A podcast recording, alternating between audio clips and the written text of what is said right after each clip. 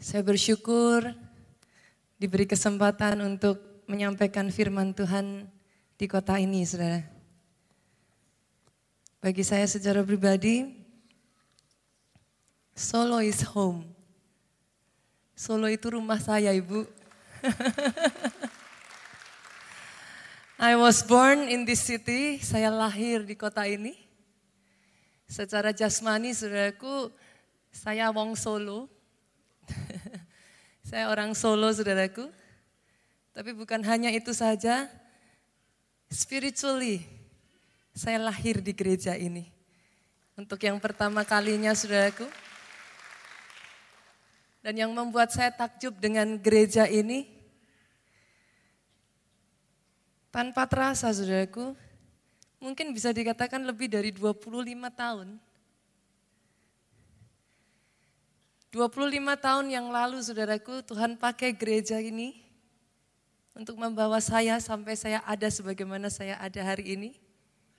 Bagi saya secara pribadi saudaraku bukan hanya gereja ini luar biasa karena uh, saya happen to be saya istri uh, ibu uh, istilahnya apa ya saudaraku ya?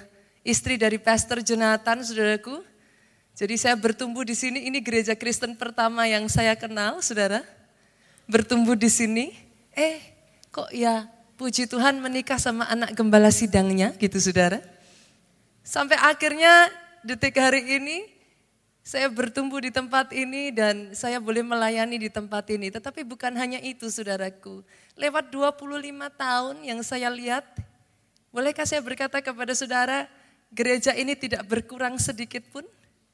Setiap hari saudaraku, saya berapa waktu ini tinggal di sini, setiap hari saudara datang di tempat ini nggak pernah sepi bu. Jangankan berkurang, stagnasi juga tidak. Coba lihat kiri kanan, katakan saudara, kamu harus lebih bangga dong dengan gereja tempat engkau beribadah. Yang mengerti aminnya yang paling keras di tempat ini. Bukan hanya berkurang, bukan stagnasi saudara, tapi Tuhan pakai saudara-saudara-saudara di tempat ini perkara yang dahsyat yang lebih luar biasa lagi. Tuhan kerjakan di tengah-tengah kita tepuk tangannya yang lebih besar, lebih dahsyat lagi buat Yesus Tuhan kita. Saudaraku perkenalkan nama saya Anita, saudara. Seperti tadi saya katakan, saya istri dari Pastor Jonathan, saya punya tiga anak saudaraku. Kali ini saya datang bersama tiga anak saya. Dan hari ini saudaraku, saya diberi mandat saudara Pastor Jonathan yang seharusnya menyampaikan firman, beliau katakan, kamu sekali-kali sampaikan firman di ISS. Yang saya tahu saudara, saya berjumpa dengan orang-orang yang diurapi Tuhan di tempat ini. Katakan amin. Hari ini saya akan masuk pada bagian yang ketiga, saudaraku, dari seri firman Tuhan. Ada yang masih ingat apa? Miracle for Family Restoration. Mujizat pemulihan keluarga.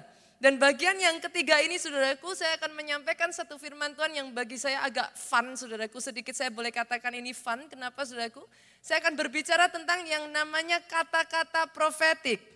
Menggunakan perkataan profetik untuk membangun keluarga saudara. Kalau dipikir-pikir saudaraku sejak dari bulan September, UC tahun yang lalu saudaraku, Tuhan membukakan satu pewahyuan kepada gereja kita tentang perkataan profetik ini, saudara. Saya karena menjadi istri dari Pastor Jonathan, saudaraku jujur saya sudah mendengar khotbah dari Pastor Jonathan itu bukan hanya ratusan kali Pak. Kalau dihitung mungkin sudah ribuan. Tapi September 2018 lalu saudaraku saya duduk di sana saya mendengarkan Pastor Jonathan menyampaikan satu firman Tuhan tentang perkataan profetik untuk pertama kalinya saudaraku. Dan saat saya duduk di sana, seberapa banyak dari saudara yang hadir di UC boleh lambaikan tangan saudara? Turunkan tangan saudara, berapa banyak dari saudara yang setuju dengan saya dan saudara bisa berkata ketika Pastor Jonathan menyampaikan firman tentang perkataan profetik ini saudaraku. Saya duduk di sana dan saya berkata, ini bukan hanya sekedar khotbah yang baik tapi saya tahu deep down dalam roh saya saudaraku, sesuatu Tuhan kerjakan. Ketika saya duduk, saudaraku, di belakang saya mendengar firman Tuhan disampaikan, saya tahu something going on. Sesuatu di dalam alam roh, dia sudah bukakan. Dan Tuhan kerjakan mujizat, saudaraku. Dan sungguh, saudara, sejak dari UC itu, saudaraku, mujizat demi mujizat demi mujizat terjadi begitu saja. Every single day, Bu. Setiap hari saya menerima kesaksian demi kesaksian mujizat Tuhan kerjakan begitu saja. Mujizat kesembuhan saudaraku terjadi di depan mata saya saudara. Kemarin beberapa waktu yang lalu Pastor Obaja datang ke Jakarta saudaraku. Ada seorang bapak sudah lama saudara lumpuh di kursi roda. Sangat lama sekali saudara bapak ini sebenarnya datang ke Pak Obaja hanya ingin menyampaikan shalom saudaraku minta selfie gitu saudaraku.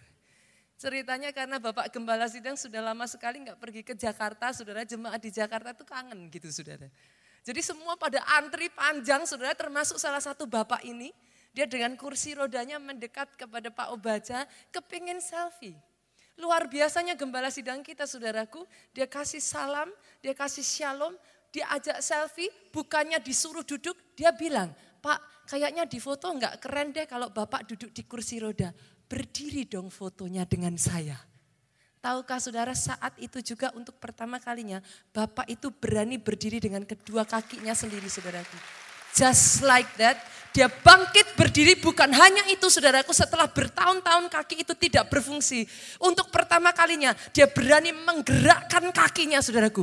Mendekat kepada Pak Obaja saudaraku. Dan mereka berselfie bukan dalam keadaan dia duduk di kursi rodanya. Tapi dalam keadaan dia berdiri dari kursi rodanya. Puji nama Tuhan kemuliaan buat nama Yesus Kristus Tuhan kita. Mujizat demi mujizat terjadi begitu saja saudaraku. Bukan hanya secara mujizat kesembuhan. Tapi Tuhan kerjakan mujizat keuangan. Oh, saya masih ingat Pak, kesaksian di kota Jogja Pak. Seorang jemaat yang tidak kenal, dari mana orangnya tidak tahu Bu. Dia hanya berdoa kepada Tuhan, Tuhan aku cuma minta rumah. Itu saja yang dia doakan. Masa dari dulu jadi kontraktor Pak. Pindah sana, pindah sini. Soalnya sederhana. Dia cuma pingin sebuah rumah. Tahukah saudara, Tuhan kirimkan orang dari anta beranta nggak tahu dari kota mana datang ke kota Jogja. Ketemunya hanya sambil jalan-jalan di Malioboro, Bu. Nggak kenal, hanya duduk saja makan bersama. Entah gimana ketika ngobrol-ngobrol, Pak. Cocok ada chemistry. Dia datang bersama, dia berkata kepada jemaat kita ini di Jogja. Sekarang aku tahu kenapa aku datang ke Jogja. Tuhan suruh aku kasih kamu rumah. Sampai detik hari ini, bagi saya it doesn't make sense. Bukan hanya dikasih rumah bu, disuruh milih. Aku punya dua rumah. Yang satu biasa-biasa, yang satu hook bagus. Kamu pilih yang mana? Kalau saudara jadi jemaatnya ini, ya pilih mana tuh saudara? Kita kan orang Jawa. Gimana sih? Ya apa sih saudara? Ya sungkan. Yang mengerti katakan amin. Karena kita sungkan, jemaat ini sungkan disuruh milih. Udah deh milih yang jelek aja, yang biasa aja, yang ini sudah cukup. Dikasih aja puji Tuhan. Milih yang jelek dimarahin sama yang ngasih. Enggak boleh, milih kok yang itu. Milih harus yang hook. Yang ini yang bagus yang kamu pilih. Tahukah saudara bukan hanya itu saja, sampai biaya balik nama sampai selesai semua dibiayai oleh orang yang memberikan rumah itu sertifikat selesai diserahkan saudaraku. Kalau Tuhan kerjakan, Tuhan pakai perkataan profetik untuk mengerjakan mujizat keuangan Pak. Tuhan pakai perkataan profetik untuk mengerjakan mujizat kesembuhan. It got me thinking. Why don't we use it for our family? Kenapa kita nggak pakai itu untuk keluarga kita? Bukankah Amsal 18:21 berkata, hidup mati dikuasai oleh lidah. Barang siapa suka menggemakannya, dia memakan buahnya. Perkataan saya ibu-ibu di tempat ini. Halo, apa yang kau lakukan untuk menciptakan keluargamu? Oh yes, para suami boleh saya lihat tangan-tangan terangkat di tempat ini para suami? Imam-imam keluarga Allah di tempat ini? Yes, dengar baik Pak, dengar baik. Keluarga seperti apa yang kau mau ciptakan? Come on. You are given chance to create your family. What kind of family you want to create? Keluarga seperti apa yang engkau mau ciptakan? Sore hari ini dengar baik saudaraku, apa yang saya sampaikan ini. Kalau saudara bisa tangkap dalam roh, apa yang jadi impian saudara atas keluargamu dengar baik. Jadi atas keluarga saudara. Terima dengan iman saudaraku. Bukankah apa yang terjadi, yang telah saudara lihat, terjadi dari apa yang tidak terlihat? Loh apa sebenarnya yang terjadi di tengah-tengah gereja kita ini saudaraku? Apakah hanya sekedar kita kata-kata positif Pak? No. Bukan seperti itu saudaraku. Apa yang terjadi telah terjadi dari yang tidak terlihat. Dengan kata lain saudaraku yang terjadi di alam natural ini. Sudah terlebih dulu harus terjadi di alam supernatural. Dan kabar baiknya buat yang saya ingin bawa buat saudara dan saya di tempat ini, dengar baik. 2000 tahun yang lalu di atas kayu salib dia berkata, it is finished. Sudah selesai, Pak, ketika dia berkata it is finished, sudah selesai. Artinya semua janji-janjinya atas hidupmu, keluarga yang bahagia, keluarga yang sekinah glory, sudah selesai. Pastor, kalau memang sudah selesai, kenapa kenyataannya belum jadi atas keluargaku? Pastor bilang gampang. Kalau pastor bilang, sudah selesai. Keluarga yang harmonis, kenyataannya pastor keluargaku saat ini di ujung tanduk. Dengar baik saudaraku. Apa yang telah terjadi? Terjadi dari apa yang tidak terlihat. Sudah selesai dia kerjakan di alam supernatural. Yang mengerti katakan amin. Sudah selesai di alam supernatural. Itu bagian Tuhanmu. Dia sudah kerjakan bagiannya. Tapi hari ini saya tantang setiap saudara di tempat ini ada bagian saudara dan saya. Tarik itu dari alam supernatural. Tarik itu sampai jadi keluar di alam natural saudara. Dan kau gak bisa lakukan itu. Kalau mau tepuk tangan jangan separuh-separuh kota Solo. Tepuk tangannya lebih dahsyat lagi buat Yesus Tuhan kita. Kalau saudara mau lihat itu jadi di alam natural, saudara harus tarik itu. Jangan kira saudaraku iblis senang pak. Bukankah dia pencuri? Mencuri, membunuh dan membinasakan. Bukankah itu pekerjaannya pak? Kalau apa yang tadinya dia berhasil tipu dari engkau dan dia ambil. Sekarang kau menyadari kebenarannya dan kau akan ambil. Apakah saudara kira dia senang? No, no, no, no, no. Dia akan melawan. Itu sebabnya kau nggak bisa lakukan itu dengan kekuatanmu sendiri. Kisah Rasul 1 ayat 8 berkata apa? Dengar baik. Maka kau akan terima kuasa Pak. Kalau roh kudus turun ke atas kamu. Yang mengerti katakan amin. Masalahnya orang Kristen dengar baik. Kalau sudah terima kuasa, kuasanya diapain? Halo? Kadang saya pusing dengan orang Kristen saudaraku.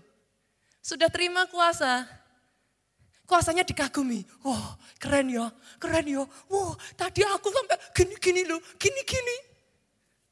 Loh, ya itu kan orang Kristen tuh saudara. Yang mengerti katakan amin, halo. Terima kuasa pak, betul. Kuasanya dinikmati. Iya Tuhan baik. Tapi hari ini saya ingin mengatakan kepada setiap saudara di tempat ini, kalau kau kuas, terima kuasa saudaraku. Kuasa itu bukan hanya untuk kau kagumi. Kuasa itu bukan hanya untuk kau nikmati bu. Kuasa itu kau pakai dalam bagianmu. Menarik yang di alam supernatural. Harus sampai jadi. Di alam naturalmu saudaraku. Itulah yang sesungguhnya sedang terjadi di tengah-tengah kita saudaraku. Dan untuk kau bisa mengakses semuanya itu hanya satu gerbang yang kita kenal namanya gerbang iman. Pak, di dunia ini, beberapa bulan yang lalu kita mengerti firman Tuhan ini, kita kenal dua macam manusia. Bu, yang satu namanya manusia bumi. Alkitab berkata manusia bumi berkata-kata dengan bahasa bumi. Halo. Kembali kepada bumi. Apa artinya? Dari tanah kembali kepada tanah. Yang mengerti katakan amin. Bahasa bumi kita tuh apa sih saudaraku? Bahasa bumi kita sering kali, kita lihat, pastor, ini ekonomi lagi lesu. Kalau bahasa bumi, nah ekonominya lagi lemah, pastor. Dalam keluarga lihatnya pertengkaran, percekcokan demi percekcokan. Aduh pastor, keluargaku hancur. Itu bahasa bumi. Tapi manusia surga bu. Come on, manusia surga. Tanah kembali kepada tanah. Tapi rohmu dan rohku saudaraku, kembali kampung halaman nanti satu hari nanti kelak saudaraku. You do not belong to this earth. Satu hari nanti kita pulang ke sana bu. Kita pulang ke kampung halaman kita. Dan kita tidak berbicara dengan bahasa bumi. Yang saya kenal bapak saya di surga. Pak, ketika dia lihat dunia ini dalam keadaan chaos. Ketika dia lihat dunia ini dalam keadaan kacau, dia nggak berkata, eh gelap ya, chaos ya, kacau bu. Enggak, yang saya kenal bapak saya, dia lihat dunia ini dalam keadaan kacau. Dia berkata, light be, terang, jadilah. Maka terang itu jadi. Itu yang namanya perkataan profetik. Karena profetik itu berarti dari kata aslinya saudaraku pro dan panai. Masih ingat? Halo? Apa artinya? Mengatakan sebelum. Belum jadi, tapi kau sudah memperkatakannya. Supaya apa yang belum terjadi itu dia kerjakan atas keluargamu. Apa yang hari ini belum jadi atas keluargamu bu. Dengar baik, you get a chance Hari ini saudara punya satu kesempatan to create your family. Saya tantang para keluarga di tempat ini. Come on, come on. Stand for your family. Berapa banyak saudaraku sering kali saudara kita pakai waktu kita. Yes, we think about our work. We think about our job. Kita berpikir tentang pelayanan kita, tapi berapa banyak dari kau berpikir tentang anakmu, berpikir tentang istrimu, berpikir tentang keluargamu. Hari ini saya tantang kau di tempat ini. Raise up. Stand for your family. Create your family. Kau ingin punya keluarga yang seperti apa? Ciptakan itu.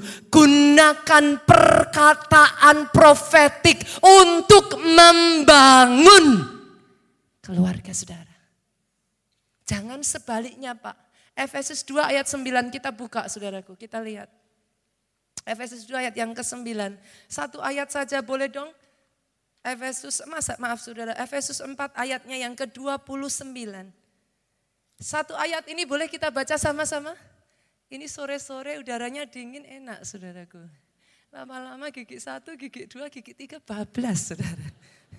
Yuk kita baca yuk sama-sama Efesus 4, 29, 23. Janganlah ada perkataan kotor keluar dari mulutmu tapi pakailah perkataan yang baik untuk apa? Membangun. Di mana perlu supaya mereka yang mendengarnya beroleh kasih karunia. Dengar baik saudaraku, dalam bahasa terjemahan aslinya, janganlah ada perkataan kotor. Ini dalam bahasa aslinya tuh corrupt communication. Perkataan yang merusak perkataan yang menghancurkan. Dengan kata lain, saudaraku, dengar baik. Dengan satu mulut, engkau membangun. Jangan dengan mulut yang sama kau hancurkan. Kalau saat ini yang kau lihat belum seperti yang kau harapkan, maaf saudara, lihat kiri kanan. Shh. Lebih baik tutup mulut saudara. Jangan sampai yang keluar dari mulutmu adalah perkataan yang damaging your family. Jangan sampai perkataan yang keluar dari mulutmu menghancurkan anakmu, menghancurkan keluargamu. Tapi sore hari ini dengar baik, perkataan yang keluar dari jemaat keluarga Allah di tempat ini adalah perkataan-perkataan yang membangun, perkataan profetik yang menciptakan keluarga-keluarga yang bahagia. Ibu-ibu di tempat ini, apa yang jadi kerinduan saudara sore ini? Saya tahu ada di tempat ini, di antara saudara yang hadir di sini. I don't know what happened to you. Tapi saya melihat saudaraku, suamimu tidak bersama dengan engkau. Kalau itu saudara, hari ini pakai perkataanmu panggil pulang suamimu kembali bu. Ada sebagian dari saudara di tempat ini pak, engkau datang di tempat ini, engkau mungkin boleh tersenyum, tapi kau berdoa untuk keluargamu. Kalau itu saudara, gunakan perkataanmu, tarik kembali keluargamu. Sore hari ini dengar sama seperti dia kerjakan mujizat keuangan dalam hidupmu. Sama seperti dia kerjakan mujizat kesembuhan. Dia mau kerjakan mujizat pemulihan keluarga. Atas pribadi lepas pribadi di tempat ini. Pertanyaannya sekarang saudaraku. Bagaimana cara kita pakai perkataan kita ini saudaraku. Untuk membangun keluarga kita. Dengan cara bagaimana? Ada dua poin yang saya ingin bagikan. Yang pertama saudara catat Kapan kita menggunakan perkataan profetik ini? Yang pertama, gunakan perkataan profetik di dalam doa saudara. In your prayer. Dalam doamu saudaraku, kita buka yuk Markus 11. Markus 11 ayatnya yang ke-24. Saya bacakan bagi saudara. Karena itu aku berkata kepadamu, apa saja yang kamu minta dan doakan, apa saja yang kamu minta dan doakan, percayalah bahwa kamu telah menerimanya, maka hal itu akan diberikan kepadamu. Yang mengerti katakan amin. Apa saja yang kamu minta dan doakan, Pak kira-kira kalau kita minta, itu kita sudah dapat atau belum? Sudah punya belum? Boro-boro bu, kalau kita sudah punya nggak perlu minta. Yang mengerti katakan amin. Pertanyaan saya kepada setiap pribadi di tempat ini, apa yang kau minta tentang keluargamu? What do you ask? Halo. Banyak orang Kristen saudaraku, you think much about your, your, your work. Kau berpikir keras tentang pekerjaanmu, but you never think about your family. What do you ask about your family? Ada di sini yang, yang saudara minta adalah saudara punya keturunan? Apa yang kau minta saudaraku? Ada yang kau minta, pastor, hari-hari ini saya nggak pernah bisa berkomunikasi dengan suami saya. Setiap kali saya ngobrol yang ada isinya pertengkaran demi pertengkaran, semakin dijelaskan semakin parah situasinya. What do you ask, saudaraku? Firman Tuhan berkata, apa pun yang kau minta, apa saudara? Percaya engkau sudah menerimanya, maka baru setelah itu dikasih. Halo? Yang masalah dari orang Kristen, kita disekolahkan di sini saudaraku, minimal saudara, lebih dari enam tahun. Yang mengerti katakan amin. Sebabnya di sini yang lulus SD, lambaikan tangan saudara dengan bangga. at least ya saudaraku ya, at least kita lulus SD. Oke, okay. gak perlu angkat tangan saudaraku. Tapi rata-rata di antara kita saudaraku, kita sekolah lebih dari 12 tahun. Ada yang sampai S1, maka sekolah saudara lebih dari 20 tahun. Ada yang sampai S2, ada yang sampai S dong-dong. Enggak tahu lagi sudah S berapa. Dalam dunia kita kita diajarkan Pak, apa yang tidak terlihat itu enggak ada. Halo? Tidak semua yang diajarkan dunia ini adalah kebenaran saudaraku. Bukan itu yang Tuhanmu ajarkan. Apa pun yang kau minta, engkau belum melihat bu. Belum kau terima. Apa yang kau minta? Keluargamu disatukan kembali? Perceraian dibatalkan Pak? Belum ada. Belum kau lihat. Have not seen yet have believe. Tidak melihat tapi percaya. Maka itu diberikan atas hidupmu. Hari ini pakai perkataan profetikmu saudaraku. Kita sering kali saudara, tahukah saudara apa yang membuat perkataan profetik itu membuat doa seseorang berkuasa? Karena bagi Tuhan sesungguhnya 2000 tahun yang lalu, finish Pak, sudah selesai. Whatever need, yang Tuhan katakan masuklah ke tempat pemberhentianku. Karena aku sudah menyelesaikan semuanya. Ketika saya baca ayat ini saudara, something coming up. Bagi Tuhan itu sudah selesai bu. Dia sudah mengerjakannya. Maka yang dia minta kepada saudara naik level. Bukan lagi memohon saudaraku. Kalau sudah selesai bagianmu pak diambil. Ditarik. Direbut. Lah masalahnya sama orang Kristen saudaraku. Kadang saya tuh pusing saudara. Loh bu, beneran. Kenapa saya pusing? Sebenarnya yang sayang saudara itu siapa toh? Tuhanmu kan saudaraku. Bukankah dia Bapak yang selalu ada bersama dengan saudara? Sampai masa tuamu aku Yesus tetap dia. Kalau dia yang sayang kepada saudara, kenapa begitu sulit bagi saudara mempercayai janjinya? Lihat siapa your true enemy, siapa musuhmu saudaraku. Bukankah dia iblis, pencuri, yang kerjaannya mencuri, membunuh, dan membinasakan? Nah sering kali saudaraku, iblisnya ngomong, tuh lihat, pastor ngomong gampang, sudah selesai, sudah selesai.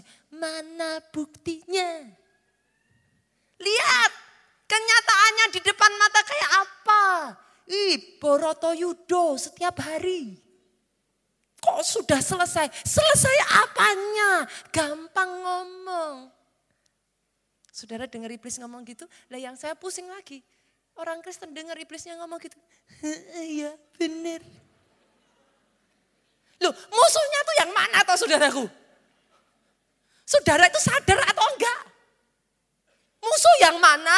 Bapak yang baik itu yang mana? Seharusnya dengar hari ini dengar baik saudaraku. Firman Tuhan mengajarkan apa? Apa pun yang kau minta, memang bu belum kelihatan. Tapi disuruh percaya sekalipun belum lihat.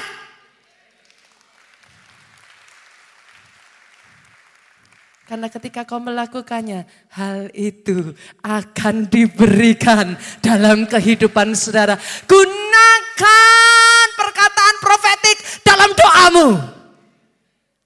Ciptakan saudaraku. Suami seperti apa yang ibu inginkan? Halo, saudaraku. Suami seperti apa yang saudara inginkan? Seringkali saudara yang kita katakan, yang kita lihat bu, Coba lihat kiri kanan katakan Pak, kalau yang seperti itu semua orang bisa Pak. Saudara lihat suami saudara di rumah nggak ngapa-ngapain, nggak kerja, dan saudara bilang dasar suami pengangguran.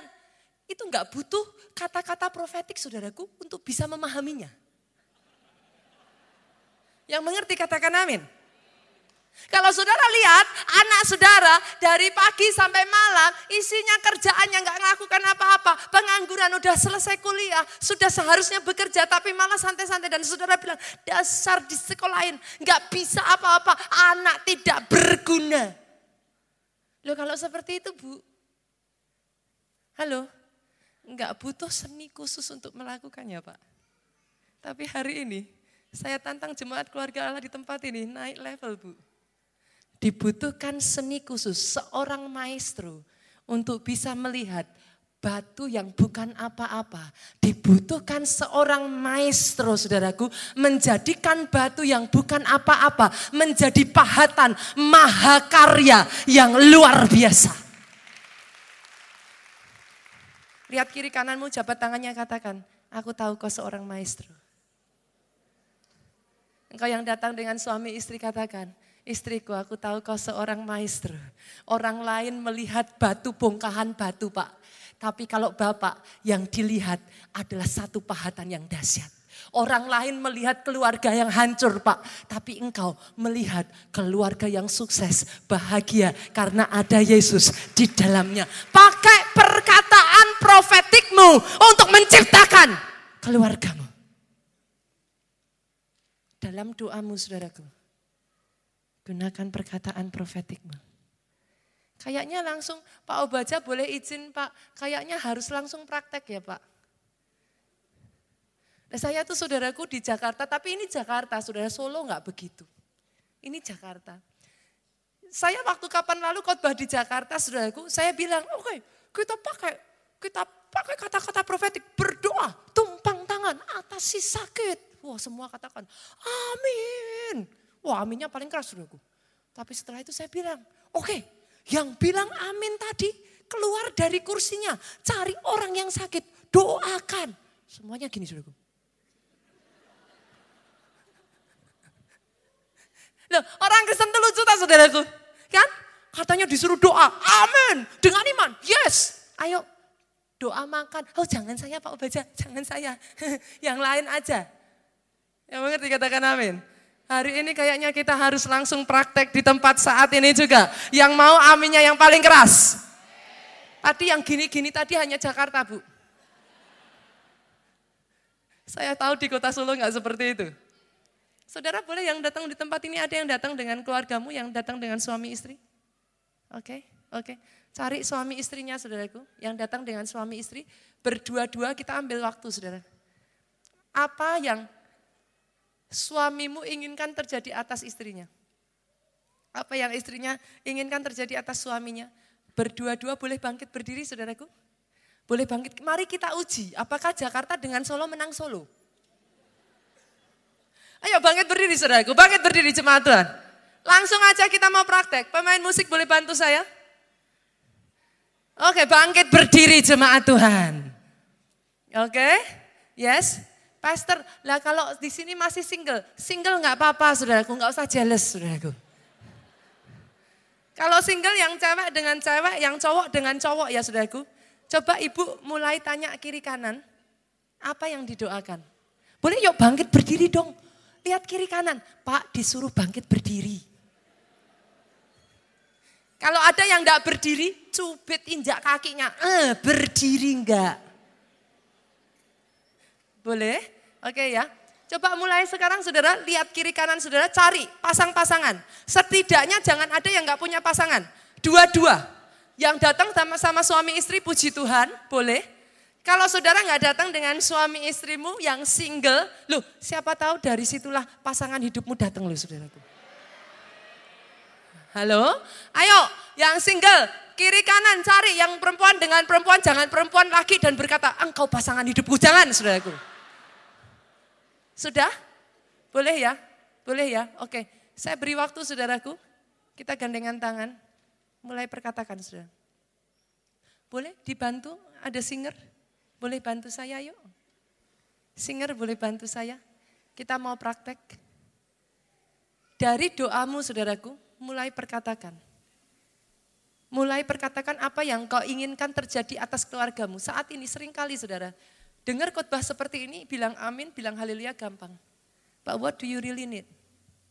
Apa yang sore ini kau butuhkan? Kadang sering kali kita datang, kita bahkan nggak tahu apa yang kita butuhkan. Kalau ada di antara saudara-saudara berkata, Pastor, but my family is okay. My family is in a good condition right now. Puji Tuhan saudaraku. Adakah satu keluarga yang kau ingat yang membutuhkan doamu? Boleh tutup mata saudara? Tutup mata saudara. Suami istri. Tumpangkan tanganmu atas suamimu. Tumpangkan tanganmu atas istrimu peluk mereka saudaraku. Mulai katakan engkau istri yang diurapi oleh Tuhan. Perkatakan saudaraku. Kalau di gereja aja kau canggung. Gimana kalau di luar saudara? Suami kamu tumpang tangan atas kepala istrimu dan katakan, Mama, engkau istri pendukung yang setia. Mulai perkatakan saudaraku, saya berdoa sore hari ini. Pemulihan Tuhan kerjakan. Berapa banyak di tempat ini. Kapan terakhir kali kau mengatakan hal yang baik tentang keluargamu saudaraku? Kapan terakhir kali di dalam doamu kau membawa keluargamu berjuang untuk keluargamu? Sering kali yang kau perkatakan adalah kata-kata yang menyakitkan. Sering kali yang kau perkatakan kata-kata yang menghancurkan. Tapi hari ini saya tantang saudara. Mulai perkatakan, Jangan lihat kiri kanan saudara, tutup mata saudara. Kalau saudara datang dengan teman saudara tanyakan apa yang dia rindukan jadi atas keluarganya. Mulai tumpang tangan saudaraku. Katakan di dalam nama Yesus. Aku punya anak-anak yang luar biasa. Anak-anakku adalah anak-anak yang tahu menghormati orang tuanya. Anak-anak yang sukses. Mulai berkatakan saudaraku. Bahkan kalau saat ini kau punya orang tua yang jauh saudara Berkati orang tuamu.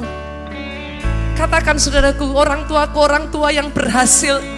Orang tuaku orang tua yang diurapi Tuhan. Orang tuaku orang tua yang diberkati Tuhan. Mulai perkatakan saudaraku. Come on. Yes, yes. Kalau ada di antara saudaraku yang berdoa saudaraku saat ini untuk keselamatan keluargamu. Pegang tangan orang yang ada bersama dengan engkau dan mulai doakan.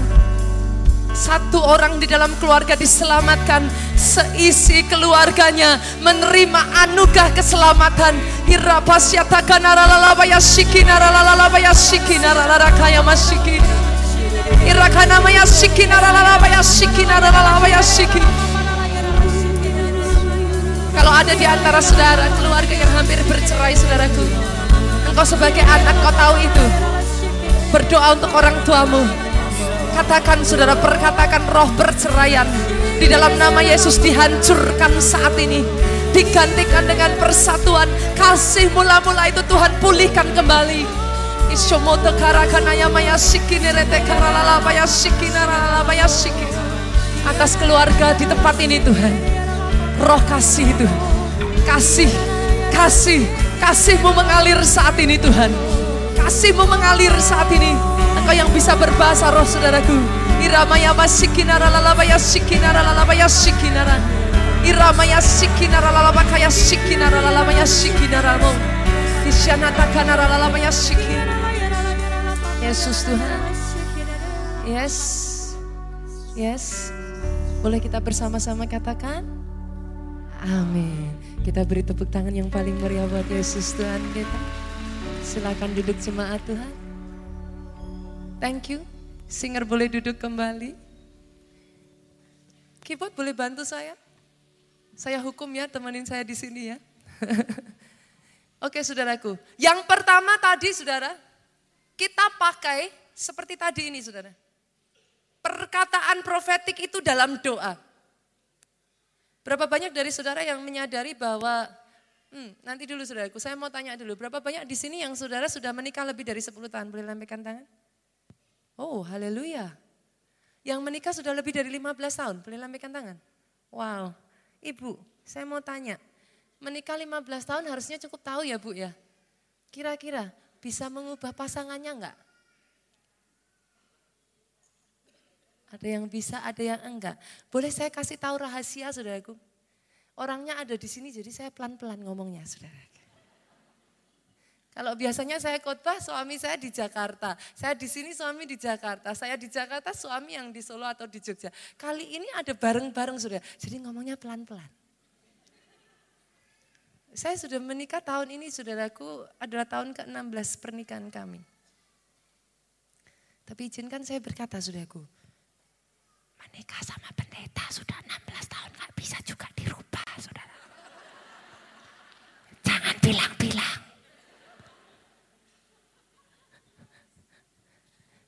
Tapi ada satu hal yang luar biasa saudaraku. Saya bersyukur saudaraku karena saya punya seorang suami yang terus berdoa untuk saya. Saya ada sebagaimana saya ada hari ini saudaraku karena saya tahu ada doa suami saya. Ada waktu-waktu dalam kehidupan saya saudaraku I'm not always like this. Ada satu waktu saudaraku saya masih ingat sekali. Dalam hidup saya, saudaraku, waktu itu saya hancur sekali, saudaraku. Saya down. Saya berkata kepada Pastor Jonathan, I don't want to preach. I don't want to go to church. Kalau saudara bertanya kepada saya, Pastor Nita, apa enggak pernah dalam pelayanan sekian tahun ngerasa yang namanya bosan, ngerasa yang namanya apinya padam. Oh yes, bukan hanya api saya padam Pak. Pada saat itu kalau saya boleh jujur, saya hancur saudaraku. Saya ada di titik terendah hidup saya. Tapi tahukah saudara yang membuat saya sampai hari ini berdiri di depan saudara? Di saat-saat itu saudaraku, Pastor Jonathan tidak satu kali pun berkata kepada saya, kamu itu gimana sih? Kamu istri kok seperti itu? No. Setiap kali Pastor Jonathan berdoa, saya justru maaf saudaraku, saya jadi setan, saya bilang apa? Kamu doa ya, doa lagi, doa buat aku, percuma. Dia hanya tersenyum saudaraku. Tidak satu kata pun yang dia berkata kepada saya, ayo Nita berdoa. Setiap kali dia berkata kepada saya, Nita berdoa, justru saya marah-marah saudaraku. Ada satu titik dalam kehidupan saya, I'm at the very low of my life. Tapi saya tahu saudaraku, setiap malam suami saya membawa saya di dalam doanya. Every single night dia sebut nama saya saudaraku. Setiap kali saya dengar nama saya disebut saya dalam hati saya nangis saudaraku. But somehow, berapa banyak dari saudara di tempat ini, you, kita ini pada dasarnya saudara kita ini nggak mau nggak nggak mau jadi orang yang nggak baik. Yang mengerti katakan amin. Tapi kadang-kala jujur saudaraku, we cannot win over ourselves. Justru ketika pasangan kita marah sama kita, semakin kita pengen tantang dan buktikan, kita bisa jadi lebih jelek. Saudara, saudara mengerti yang saya maksudkan? Saya ada di titik terendah itu saudaraku. Apa pun yang dia katakan gak masuk ke telinga saya saudaraku. Semakin dia mengatakan sesuatu, saya tahu itu nasihat yang benar dari firman Tuhan. Saya ingin buktikan sebaliknya saudara. Tapi yang luar biasa dari suami saya saudaraku, dia berdoa untuk saya setiap malam. Tidak satu kata-kata buruk pun dia keluarkan kepada saya saudaraku. Ketika dia melihat saya hari Minggu ke gereja malas-malasan, saudaraku. Ketika dia melihat saya hari Minggu, saya mau berkhotbah, saya tinggalkan khotbah, saudaraku. Dia tidak berkata satu patah kata pun. Tahukah saudara, doamu menyelamatkan keluargamu. Hari ini, kalau pasanganmu, anakmu, keluargamu, orang tuamu ada di dalam keadaan yang seperti saya, saudaraku Bolehkah saya tantang di tempat ini? Adalah adakah suami-suami yang mau berdiri untuk keluarganya di tempat ini? Adakah istri-istri yang mau tutup mulut, no more, untuk mengatakan yang buruk tentang pasanganmu, it's easy. Melihat keadaan dan memperkatakan faktanya. Tapi mungkin saudara berkata, Pastor, kan memang kenyataannya begitu. Betul bu, tapi kenyataan tidak menolong hidupmu. Memperkatakan kenyataan tidak akan mengubah hidupmu. It will only make it worse. Jadi lebih buruk saudara. Tapi dibutuhkan orang-orang seperti Pastor Jonathan yang mau berdiri untuk istrinya. Bangkit untuk keluarganya. No more words. Tutup mulut. Keep on Dalam doanya saya tahu dia berkata istriku istri yang diurapi Tuhan. Setiap kali saya berkata, setiap kali saudaraku, bagi saya saudaraku, banyak orang berpikir saya khotbah seperti ini saya senang saudara. Bagi saya khotbah itu pergumulan yang paling berat saya saudara. Tapi saya tetap ada karena suami saya setiap kali saya turun dan saya berkata, kok seperti ini ya? Dia berkata, I am so blessed with your preaching. Engkau orang yang diurapi Tuhan, itulah yang menciptakan saya hari ini. Halo, para suami, istri seperti apa yang kau mau punya. Created. Engkau punya kuasa menciptakannya. Anak seperti apa yang kau mau punya Pak. Created.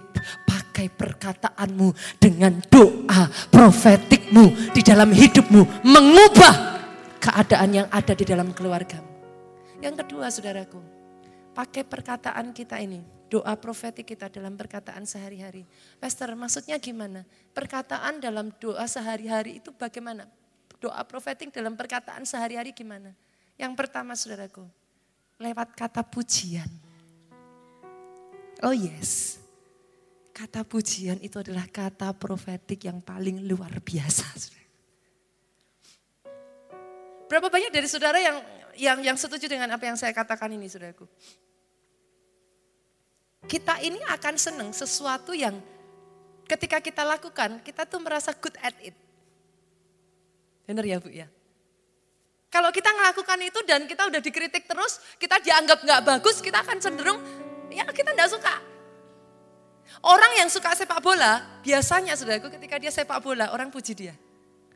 Yang mengerti katakan amin. Orang yang suka main basket, biasanya Orang akan berkata, saudara menemukan ketika saudara bermain basket, saudara di atas rata-rata. Halo? Sama-sama, saudara kepingin anak saudara jadi lebih baik. Bu, dengan memarahi dia tidak akan menginspirasi dia untuk berubah. Yang mengerti katakan amin. Halo? Kira-kira lo saudara, bapak-bapak di sini boleh lampikan tangan? Kalau istrinya tiap hari kerjaannya marahin terus pak. Saya tanya bapak-bapak, adakah yang dimarahin istri itu saudara berkata begini, oh pastor saya terinspirasi. Ada? Nggak ada kan? Yang ada saudara marah. Yang ada saudara sakit hati. Pak, Sama-sama. Kan yang penting tujuan tercapai toh. Yang mengerti katakan amin. Kadangkala saudaraku, orang tua sering kali sama anaknya untuk anaknya melakukan sesuatu saudaraku. Kamu anak bodoh, anak nakal. Saya tuh kadang nggak habis pikir saudara. Anak setan. Saya tuh mikir saudara. Sebentar saya mikir, anak setan. Loh kalau anaknya setan berarti orang tuanya apa saudaraku? Nah mikir tuh saudara saya jadian saudaraku. Tapi sama-sama saudaraku. Pernah saya itu memberi sudah tahu motivasi apa yang saya berikan ke anak saya, sudah? Kadangkala saudaraku, berapa banyak di sini yang punya anak, kemudian punya adik. Ketika punya adik, anak yang pertama saudara berulah. Ada yang pernah ngalami begitu? Ada? Enggak ada? Oh ada, pernah ngalami. Sama seperti saya sudah. Biasanya kalau kita sudah ngalami seperti itu, kita akan tergoda untuk marahin kakaknya. Betul ya? udah capek ngurus adiknya nih anak masih nggak mau tahu gitu kan. Betul ya saudaraku ya. Tapi saya tanya, semakin dimarahi jadi lebih baik atau tambah nakal lagi? Tambah nakal. Sudah tahu apa yang saya lakukan sudah? Ketika anak saya berulah, dia marah, dia jealous dengan adiknya saudaraku. Saya katakan kepada adik, anak saya yang nomor dua ini saudaraku, satu ketika jealous dengan adiknya, saya katakan, Gap, kamu tahu gak? Kalau kamu bersikap baik sama adikmu,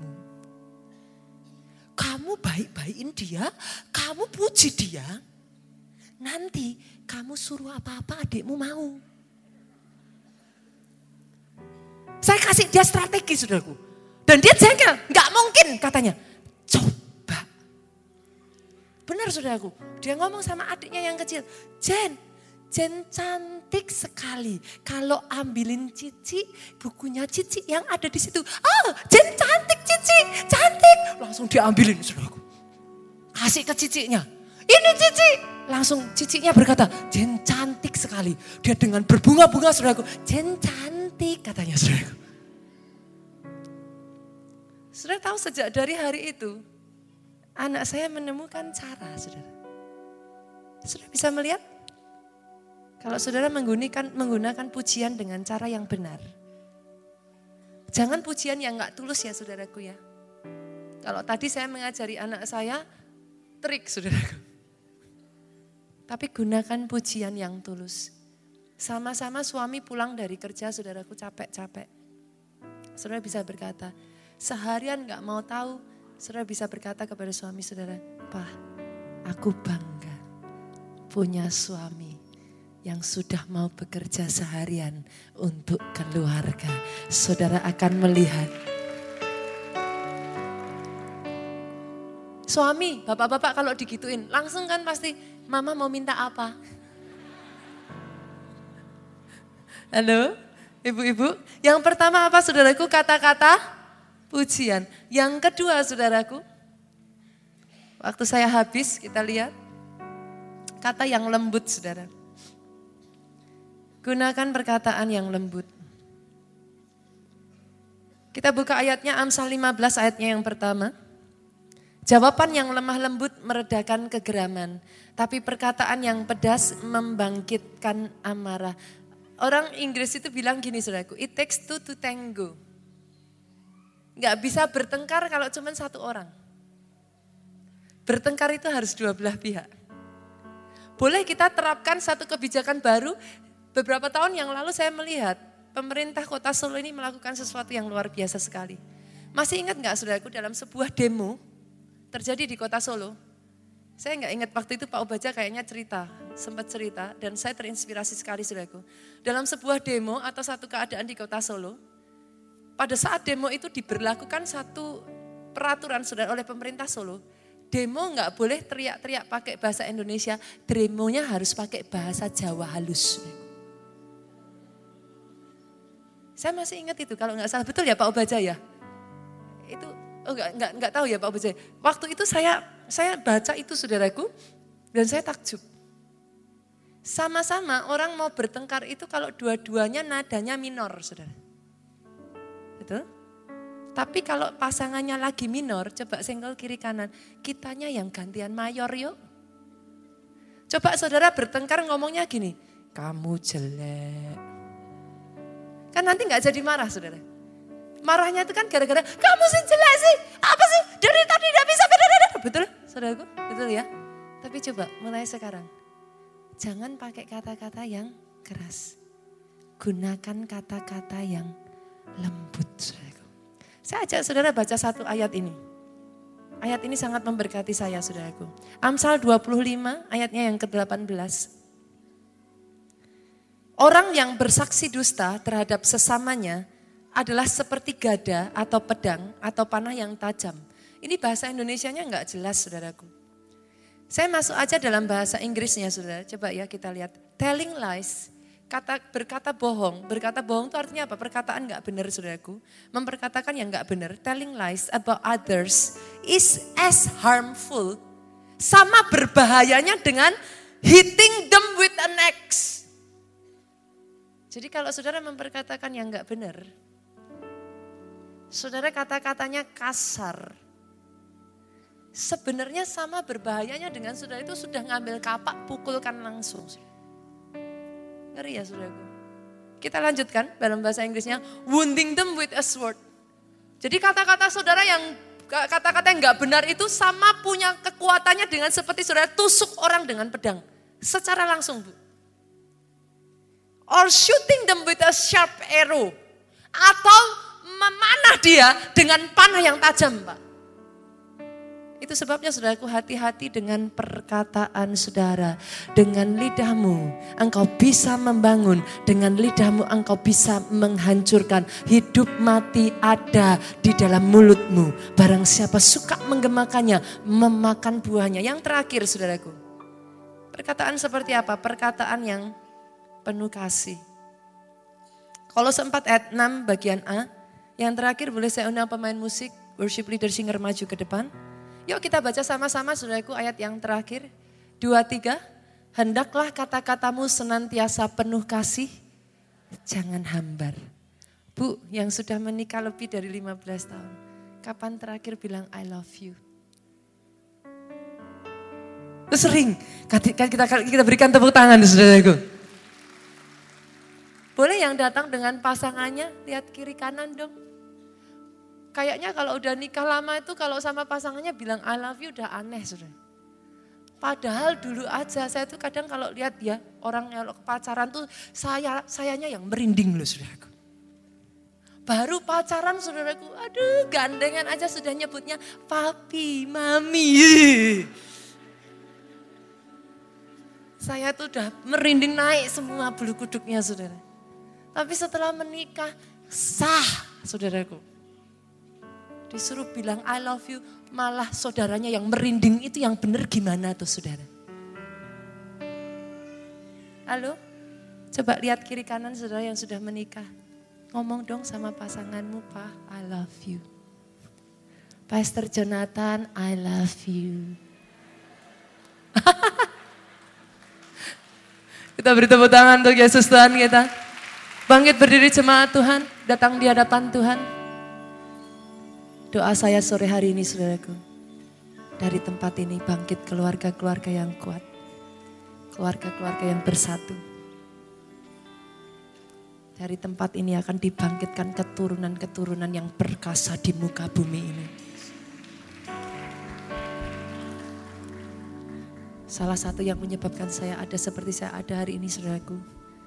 Karena saya punya orang tua yang tidak pernah jemu-jemu mendoakan saya. Jangan lihat kiri kanan saudaraku. Adakah di tempat ini orang tua yang mau berdoa untuk anaknya? Tentukan kepalamu jangan lihat kiri dan kanan. Kalau itu engkau saudaraku angkat tanganmu di hadapan Tuhan. Engkau yang mau berseru untuk anak-anakmu. Engkau yang tahu saat ini anak-anakmu jauh dari Tuhan. Rebut mereka kembali saudaraku jangan biarkan Adakah di tempat ini anak-anak yang mau berdoa untuk orang tuanya? Saat ini engkau sudah beribadah di tempat ini. Engkau bisa merasakan hadirat Tuhan. Where is your parents? Di mana orang tuamu? Istri-istri. Adakah istri-istri yang mau bersyafaat untuk suaminya? Adakah istri-istri yang mau berdoa untuk suaminya? Memperkatakan hal yang buruk tentang suamimu, it's easy, mudah saudaraku. Tapi adakah pahlawan-pahlawan di tempat ini yang despite? apa yang buruk terjadi dalam keluargamu, engkau berjuang dengan perkataanmu. Engkau berjuang menciptakan dari yang buruk menjadi baik. Karena itu engkau saudaraku angkat suaramu. Irakasiate.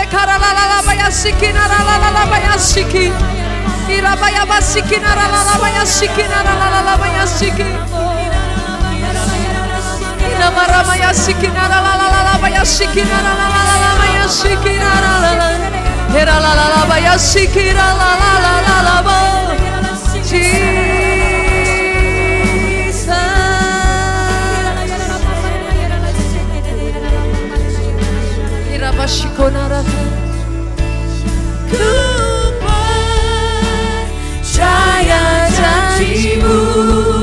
Oh yes Lord Saudaraku, jangan menyerah dengan keadaanmu. Jangan berhenti memperjuangkan keluargamu. Nyanyikan lagu ini dari hatimu. Katakan.